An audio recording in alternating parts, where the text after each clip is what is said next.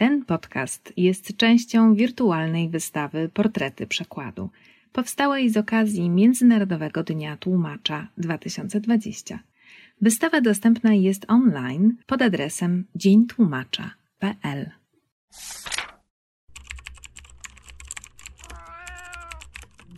Na przykład podcast Stowarzyszenia Tłumaczy Literatury.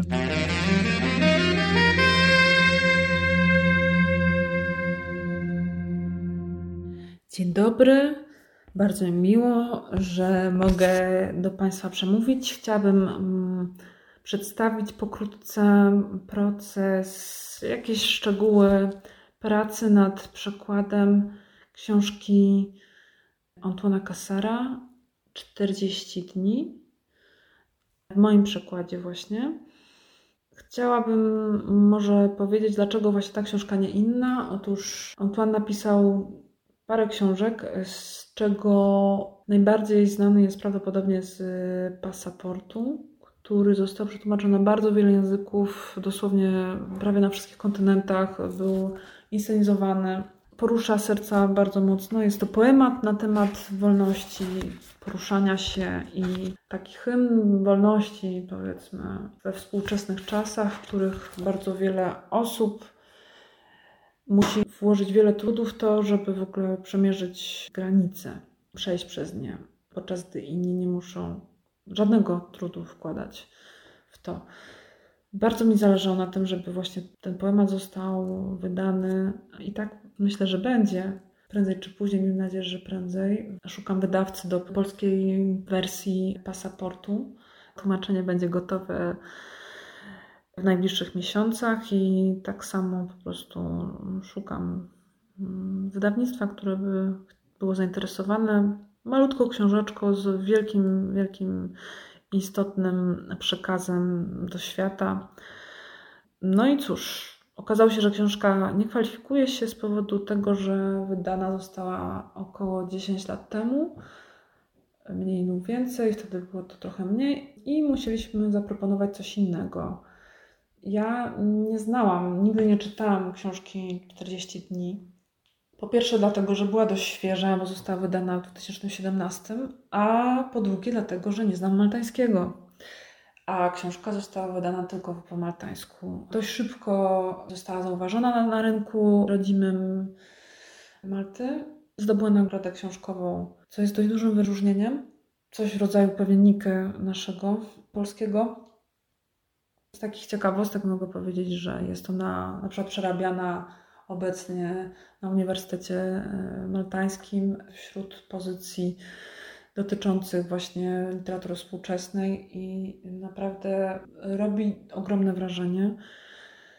I tak właśnie zaczęła się ta wielka przygoda pracy na cztery ręce, a w zasadzie na sześć, bo jeszcze uczestniczyła w tym całym procesie Urszula Zielińska, która pomagała mi w tym, żeby przekład polski brzmiał dostatecznie dobrze. No, obawiałam się, szczerze powiedziawszy, bo nie, nie to, że miałam długą przerwę w tłumaczeniach literackich, ale jednak uważałam, że to, co mam złożyć, powinno być po prostu na najwyższym poziomie, a z różnych względów e, nie byłam pewna, czy będę w stanie temu podołać.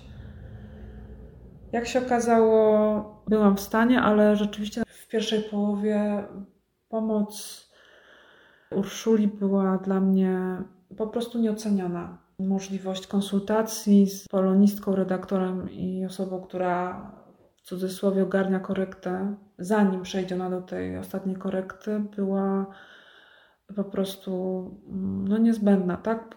Też w tym sensie, że miałam możliwość wsparcia, oparcia w trybie codziennym, a czasami codziennym i co nocnym. Bywało, że pracowałyśmy nad tym po 13 godzin dziennie, naprawdę.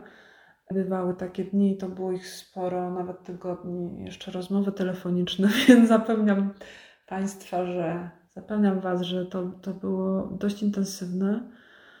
Może zbyt intensywne, ale to już inna kwestia działanie. W każdym razie miałam do przepracowania, przekład autorski z języka angielskiego na język polski. Teraz jak to się odbywało?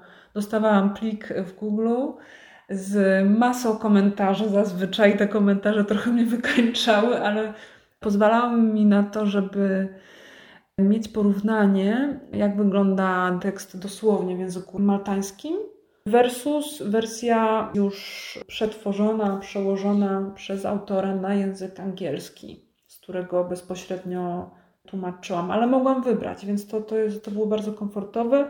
Równocześnie komentarze pozwalały mi na to, żeby właśnie też mieć wgląd w bardzo wiele spraw, kwestii kulturowych, które pojawiały się, ponieważ książka jest w dużej mierze oparta na przyrodzie, na krajobrazie, na kwestiach kulturowych, które są, nazwijmy to, inherentne, czy też jak to się mówi, są po prostu częścią tożsamości autora, bardzo mocno, bardzo mocno osadzone właśnie w realiach tamtejszych. Oczywiście nie każdy wiersz, niektóre są bardziej, nazwijmy to takie bardziej neutralne, ale niektóre po prostu kiedy pierwszy raz je czytałam, nie wiedziałam o co chodzi. I tak naprawdę nie wiedziałam naprawdę o co chodzi, dopóki tam nie pojechałam. To, to się stało po procesie tłumaczenia, po procesie przekładu, ale niemniej jednak no jakoś dla mnie było bardzo istotne po to, żeby wreszcie zrozumieć o co chodzi z tą jakąś tam świątynią, gdzie jakieś słońce przechodzi, dlaczego ta filfla, do której się modli podmiot liryczny, dlaczego ona jest tak ważna faktycznie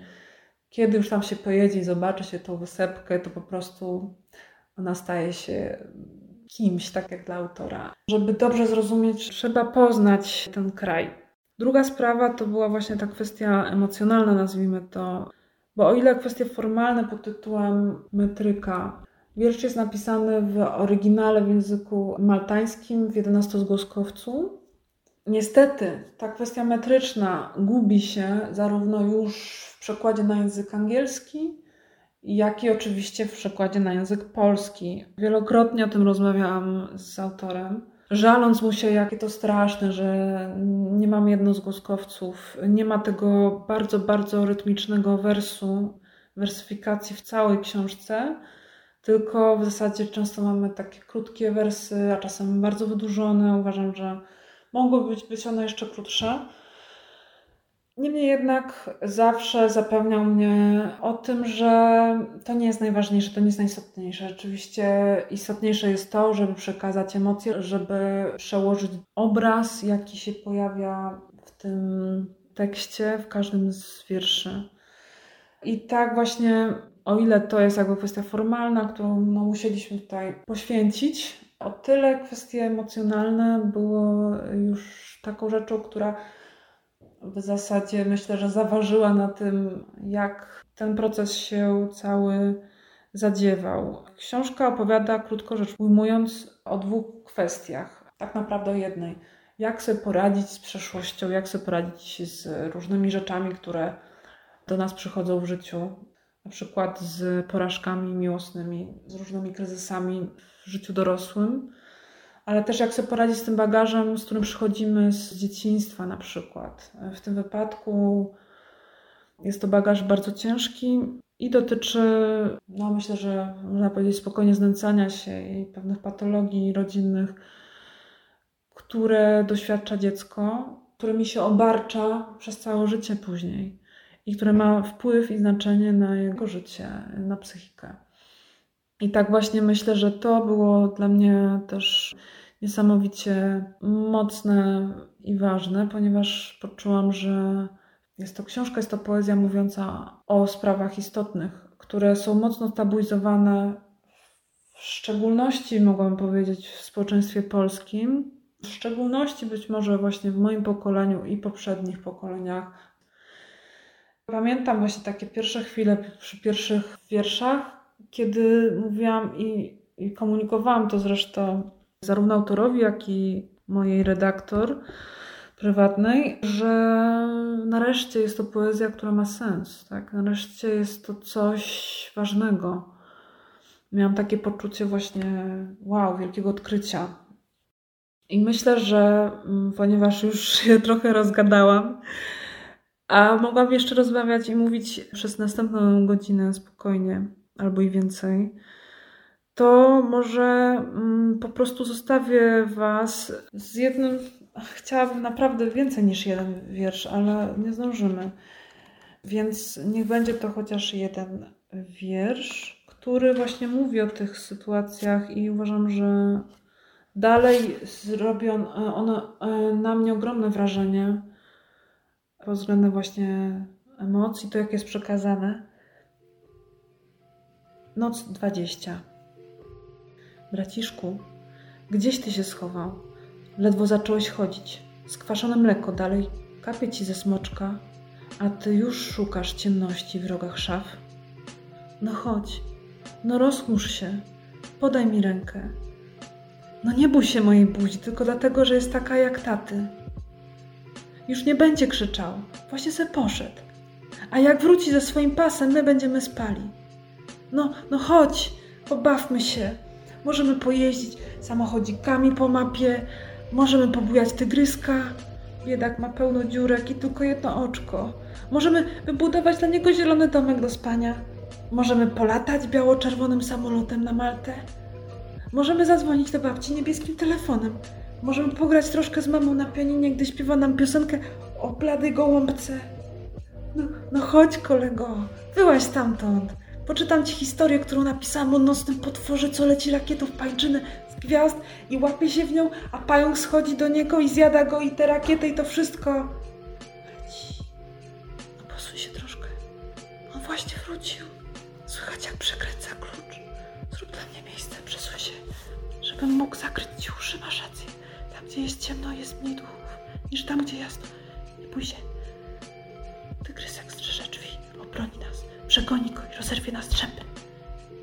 Czekaj, wezmę go do środka, żeby tata nas nie znalazł. Otworzę powoli drzwi. Cicho siedź, nie bój się. Ten brzęczący pasek to tylko tata zmieniający spodnie. A mama czyści klawisze pianina. A teraz ona krzyczy, bo zobaczyła karalucha, a tata skacze bo chce go zatłuc. A teraz wbija gwóźdź w ścianę, bo chce zawiesić obrazek, który przyniósł mamie, a ona płacze. Z radości, że taki ładny i wygląda na to, że się wreszcie pogodzili. Już są cicho. Jęki się skończyły. No nie płacz, usłyszą, nie sikaj pod siebie. Bo ja też tak zrobię, a wtedy on mnie wywącha i nakrzyczy na mnie.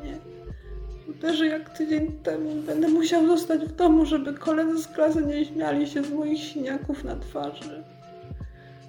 Nie zostawił telefoniku na dole, nacisnąłbym niebieski przycisk i wiesz, czarny pająk zjechałby z pajęczyny gwiazd, żeby poknąć tatę jego pas.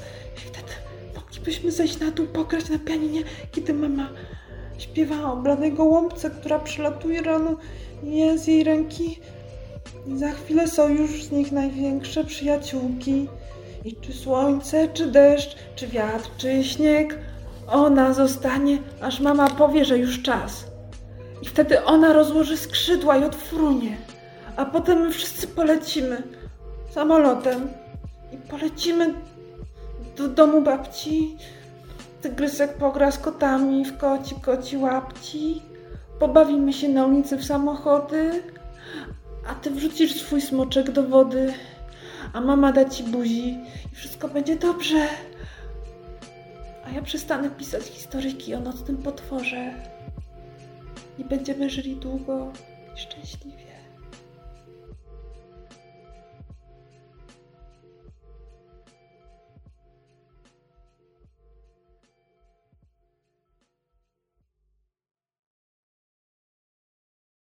Wysłuchali Państwo na przykład podcastu Stowarzyszenia Tłumaczy Literatury.